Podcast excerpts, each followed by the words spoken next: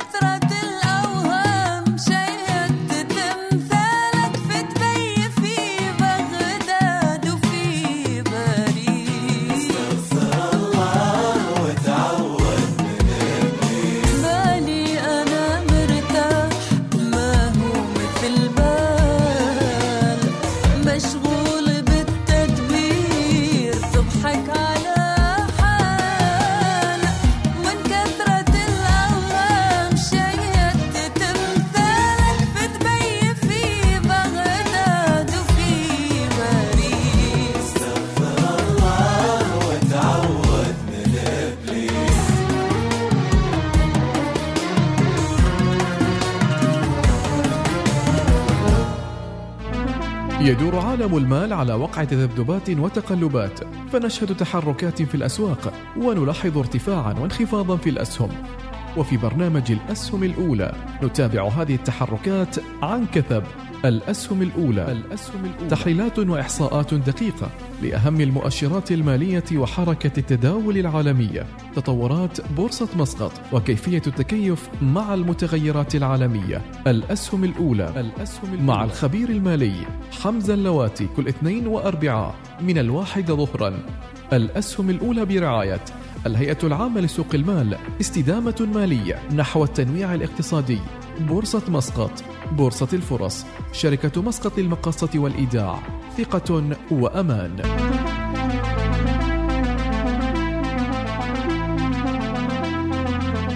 بسم الله الرحمن الرحيم نرحب بكم متابعينا في حلقات الأسهم الأولى.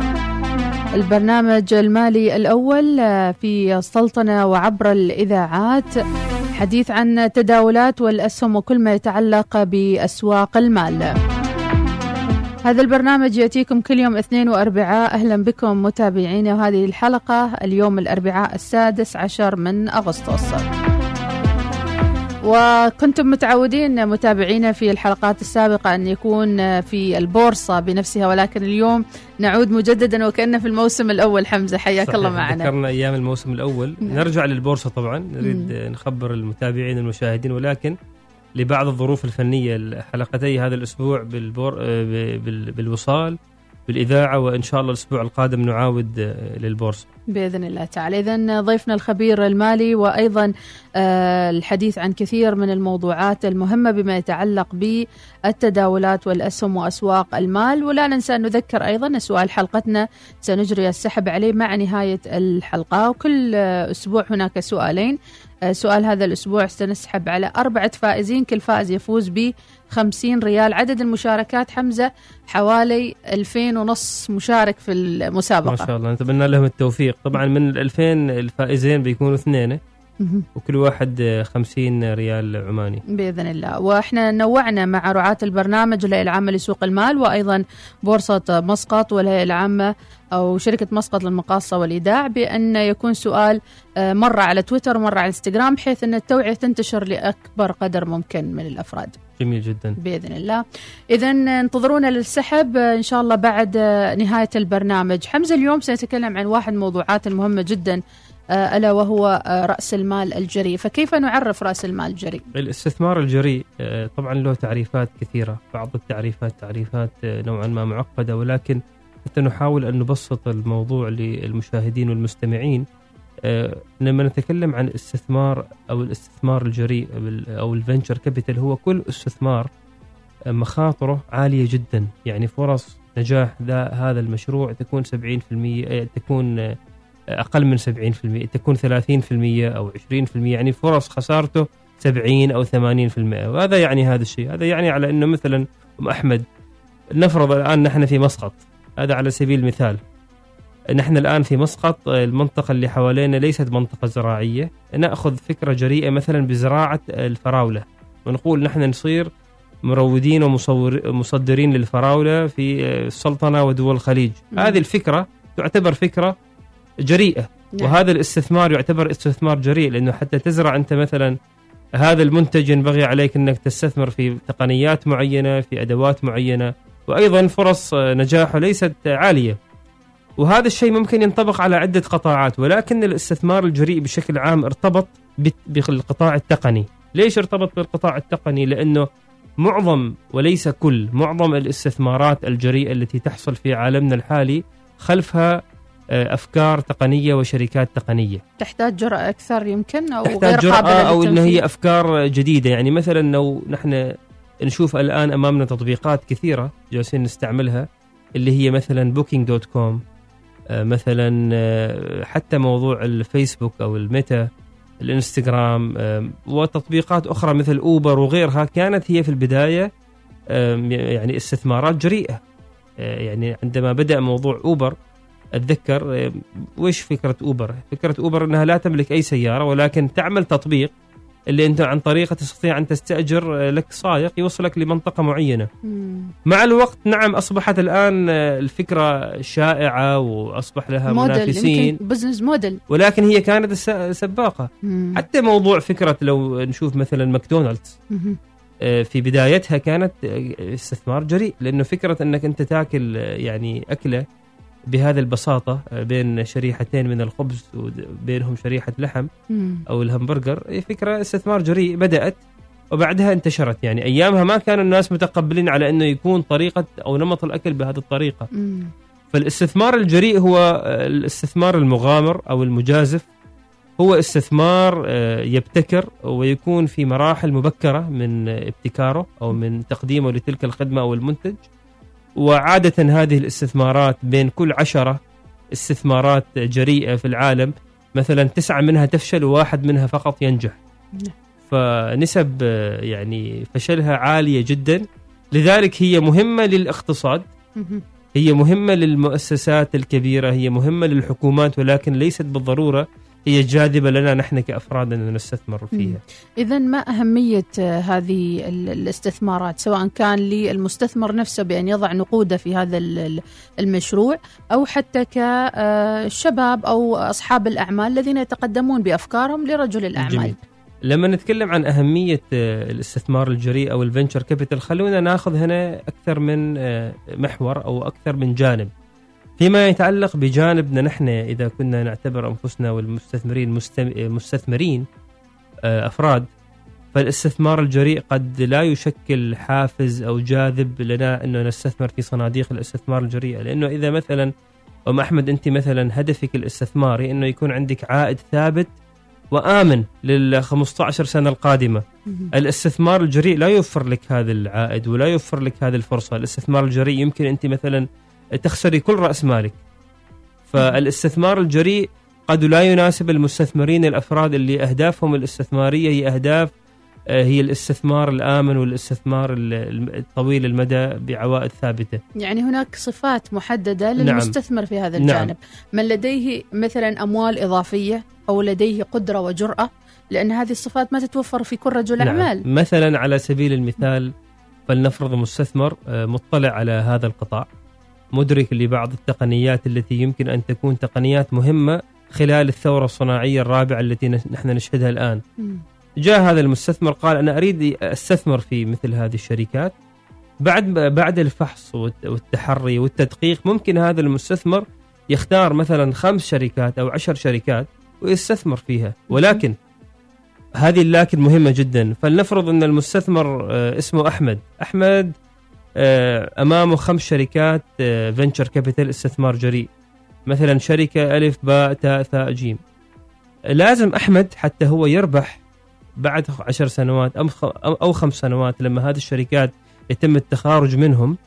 لازم أحمد يحدد آه، نسبة معينة وثابتة ومتساوية في كل شركة. يعني ما يصير الشركة ألف مثلا يستثمر فيها ألف ريال والشركة باء يستثمر فيها 2000 والشركة الثالثة يستثمر فيها مثلا 500 لازم المبالغ المالية تكون متساوية لأنه الإحصائيات تقول على إنه من بين هذا الخمس شركات أربع منها يمكن تفشل.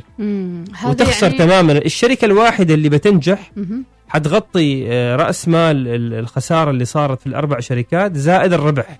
أي. لذلك هنا المستثمر في ال venture capital لازم يكون عنده دراية في الرياضيات وفي الإحصاء إنه كيف تو- توزع نسب المخاطرة بشكل متساوي حتى إنك أنت لا يعني مثلا في مستثمرين يدخلوا في الاستثمار الجريء يستثمر في الشركة ألف مثلا ثلاثة آلاف ريال الشركة باء ألف ريال أي. الشركة مثلا سين آه، 500 ريال آه يعني النصيحة هنا أنه لا يغير رأس مال كل شركة بالضبط. كل شركة نفس رأس المال وش اللي يصير فيها بعد فترة مم. تخيلي على إنه الشركة ألف اللي هي استثمر فيها 3000 ريال خسرت بالكامل مم. راح رأس المال والشركة باء أو شركة سين اللي استثمر فيها 500 ريال ربحت مم. نعم هو ربح ولكن لم يغطي خسائر لأنه هو استثمر مبلغ كبير في الشركة ألف لا. فلازم التوزيع يكون توزيع عادل والنسب تكون محسوبة بدقة هذا على صعيد المستثمرين نعم على صعيد الدول والمؤسسات الكبيرة الاستثمار الجريء يشكل آه، مصدر دخل لها على المدى الطويل في التقنيات الحديثة وفي أيضا حلول. يعني على سبيل المثال نحن السلطنة من الدول آه، المشهورة على صعيد المنطقة أنه لدينا قطاع زراعي وجالس ينمو هذا القطاع. الآن هذا القطاع الزراعي محتاج إلى تقنيات حديثة في موضوع الري في موضوع استغلال الظروف المناخية استغلال الماء. ممكن شركات آه، حديثة في هذا القطاع اللي يمثل مثلا رافد من روافد الناتج المحلي الإجمالي. ممكن الحكومة عن طريق صناديق معينة تدخل في استثمارات آه، في الاستثمار الجريء في القطاع الزراعي. نعم الاستثمارات هذه ربما كثير منها تكون مثلا هي خاسرة أو تخسر. ولكن اختراع أو اكتشاف واحد أو منتج واحد يغير طريقة النمط الزراعي في السلطنة كفيل على أنه مثلا يجعل السلطنة في متصدري تصدير مثلا التمور اللحوم آه، مثلاً أو, أو, أو مثلا نبات معين أو سلعة معينة خلال العشرين سنة القادمة. فهنا العوائد لا تقاس فقط بالعائد المالي ولكن العائد على الاقتصاد الإجمالي بشكل عام. ذكر في هذا الصدد يمكن استثمار السلطنة في زراعة الكركم في ظفار. نعم. فيعني أطلقت هذه المبادرة يعني ما أدري حقيقة من أصحابها ولكن آه، يبدو أنها نجحت وزرع الكركم في ظفار ويعتبر من التوابل المهمة في جميل. المنطقة جميل. وأيضا يمكن نقايس عليها اللحوم في حتى مثلا إذا نحن أخذنا الاستزراع السمكي على سبيل المثال في بعض أنواع الأسماك اللي تم استزراعها اللي هي جاية من بيئات غير موائمة للبحار أو آه، طبيعة الماء اللي موجودة في بحارنا. نجحت. مثلا في يعني بعض الأسماك اللي استزرعتها شركة تنمية أسماك عمان. آنذاك كانت هذه تعتبر استثمار جريء انت جايب شيء ما متيقن من نجاحه يعني. الآن عوائد هذا بتكون على سبيل مثلا زيادة صادرات في هذا القطاع توفير فرص عمل.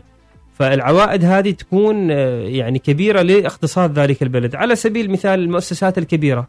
الآن من أكبر المؤسسات الكبيرة في العالم شركة جوجل.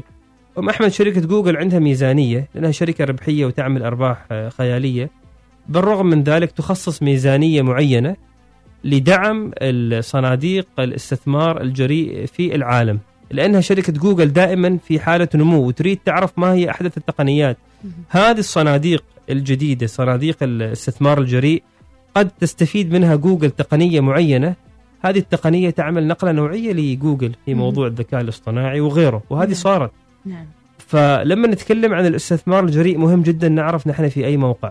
نحن لما نتكلم نحن كأفراد أو حتى ك عوائل أو شباب أو مجموعات مالية آه، في حدا في في حدود يعني نطاق عملنا الشخصي الاستثمار الجريء قد لا يناسبنا.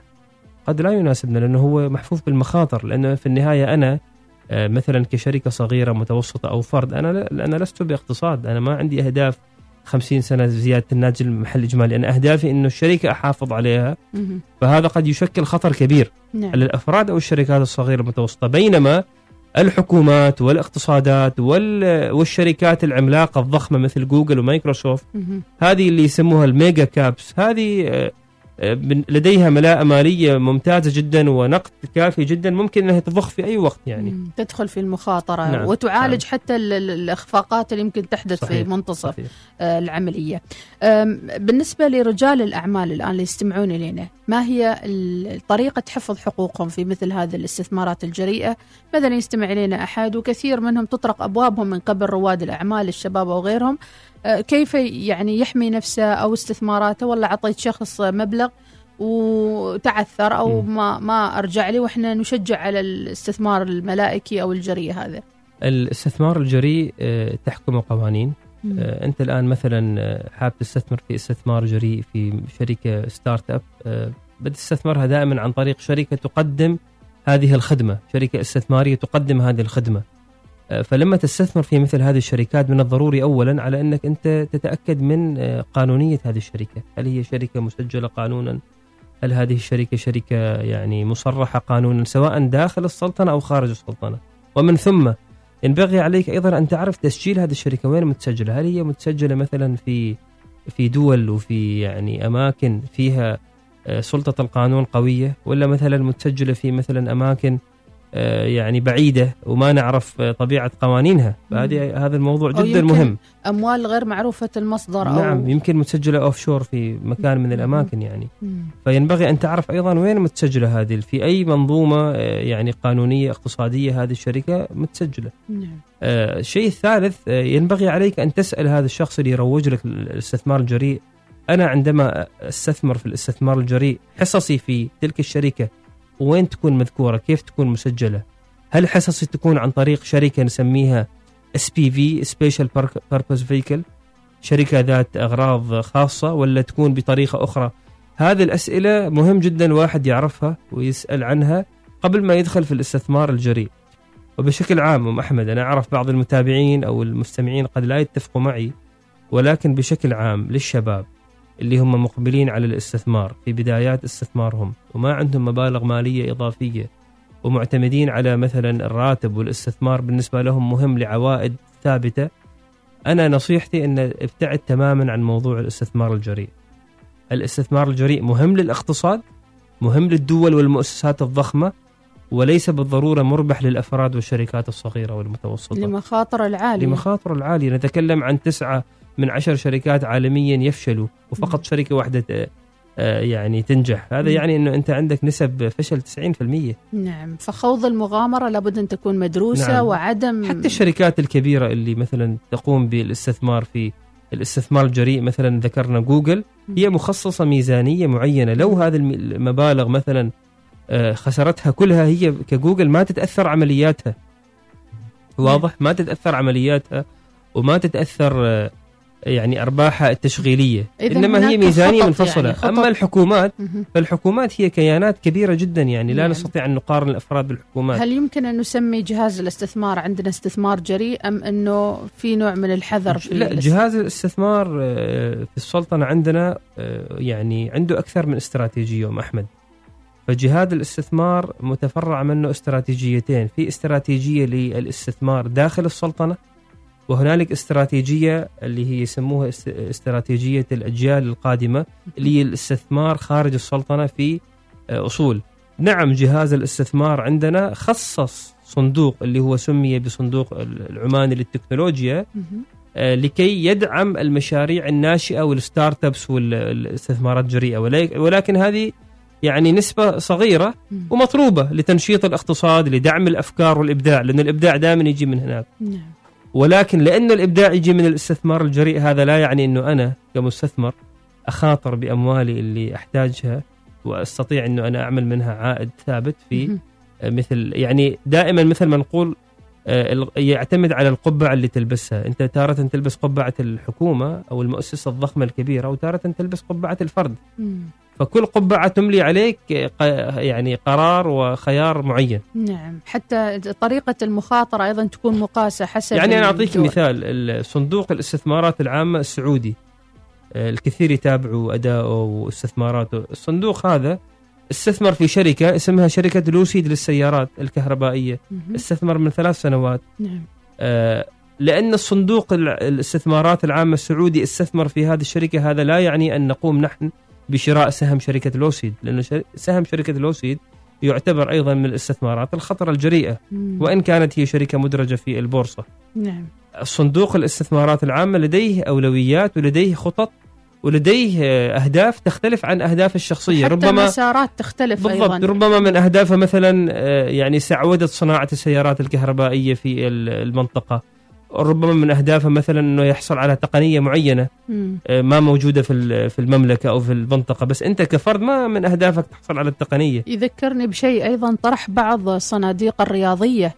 الرياضة السعودية صناديق بعضها طرحت في البورصات نعم مثلا. صحيح. لكن هذا أيضا يتواءم مع المشهد في المملكة. نعم. بمعنى أنه الأندية لديها ضخ مالي الأندية لديها آه، سوق تنقلات عملاق كريستيانو نيمار أو غيرهم من اللعيبة. فهذا يعطيك أيضا مساق واضح أن الدولة مع الأندية وفي أو استراتيجية دائما استراتيجية الصناديق والحكومات تختلف عن استراتيجية الأفراد الأفراد استراتيجيتهم تكون إما النمو أو تكون إما الدخل الثابت أو النمو مع الدخل الثابت مهم. بينما الصناديق السيادية والحكومات مرات ما في استراتيجيتهم ربح بم- بمفهوم الربح المادي نعم في في أغراض استراتيجية قد تكون أغراض تسويقية أغراض سياسية مم. فالتقليد في هذا الموضوع جدا جدا يعني مضر. يعني الآن مثلا لو نحن ناخذ جهاز الاستثمار العماني هو عنده استثمارات خارج السلطنة في مثلا قطاع السياحة. الفنادق هو عنده آه، يعني استثمار في في ذلك الجانب بناء على دراسات قام بها. بناء على هدف استثماري معين هذا لا يعني على أنك أنت تقوم بتقليده. لأنه هو له استراتيجية معينة وله توجه سياسه توجه معين و- وهو هذا ي- يتوائم مع استراتيجيته ورؤيته مم. بينما أنت كفرد ينبغي أن آه، تحدد لك استراتيجية وهدف لذلك نقول الاستثمار للأفراد بدون وجود هدف واستراتيجية هو مثل قيادة سيارة فراري من قبل طفل ما عنده رخصة قيادة. وش يصير فيها السياره بتكنسل. نعم. يعطيك العافية حمزة. فعلا آه، يعني معلومات مهمة عن الاستثمار ورأس المال الجريء ونشكر كل من تابعنا في هذه الحلقة. ولكن خلنا أيضا نقول في آخر دقيقة يعني على السريع هل في سلطنة عمان استثمار جريء واضح ولا لا زال مختبئ وغير واضح آه، للجميع؟ الاستثمار الجريء عادة له علاقة طر- طردية مع الاقتصاد. وحجمه فبناء على حجم اقتصادنا نعم نحن عندنا مبادرات استثمار جريء متعددة أصلا عندنا تطبيقات توصيل طعام مثلا تمدن. هذا تطبيق عماني. هذا استثمار جريء يعتبر لأنه في النهاية جالس يقدم يعني منتج جديد يعني وشيء مختلف مخاطرة بعد. عندنا مثلا تطبيق أو تاكسي. هذا استثمار جريء. آه، حتى عندنا استثمارات جريئة في موضوع التطوير العقاري يعني في ناس آه، طبعا بغض النظر عن الحكم على إنه هذا صح أو خطأ ولكن ترى الاستثمار الجريء ممكن يكون في العقار مم. كيف ممكن يكون في العقار مثلا تذهبين لمنطقة معينة قد تكون نائية بعض الشيء عن آه، عن عن مراكز الحضريه للمدن. وتستثمرين بها مخطط. مبالغ كبيرة و... أو حتى بناء وعمران مم. على أساس إنه مثلا بعد عشر سنوات المنطقة هذه بتكون فيها كثافة سكانية وقدرها كذا مليون لكن هذا كله. على أساس. بعد عشر سنوات. مم. فأنت جالس آه، لبعد عشر سنوات تخطط الآن وتنفذ. هذا جريء جدا. جريء. موجود عندنا في السلطنة. بالفعل. أنت تقول وأنا عاد راسي رايح عند Google Maps نعم. يعني. أيه. يعطيك العافية حمزة. شكرا لمتابعتكم. وأكيد الحلقة القادمة راح تكون يوم الاثنين بموضوع آخر. إذا حبيتوا تتواصلوا معنا عن info.وصال dot FM ونتمنى إن شاء الله موضوع إن شاء الله يكون شيق يعني نعم. ونرد فيه على بعض الاستفسارات اللي وردتنا عبر ال social media بإذن الله. أيضاً. وإذا عندكم مقترحات أيضا يمكن طرحها مباشر على صفحة حمزة على الإنستغرام. شكرا لك حمزة يعطيك العافية. حياكم الله. مع الله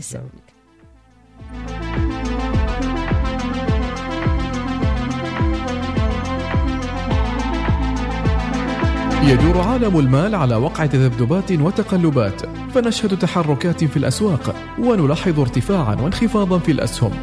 وفي برنامج الأسهم الأولى نتابع هذه التحركات عن كثب.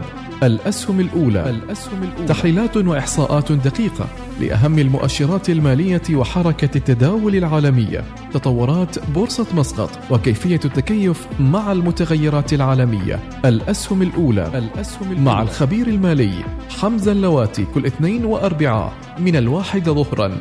الأسهم الأولى برعاية الهيئة العامة لسوق المال استدامة مالية نحو التنويع الاقتصادي. بورصة مسقط بورصة الفرص شركة مسقط للمقاصة والإيداع ثقة وأمان.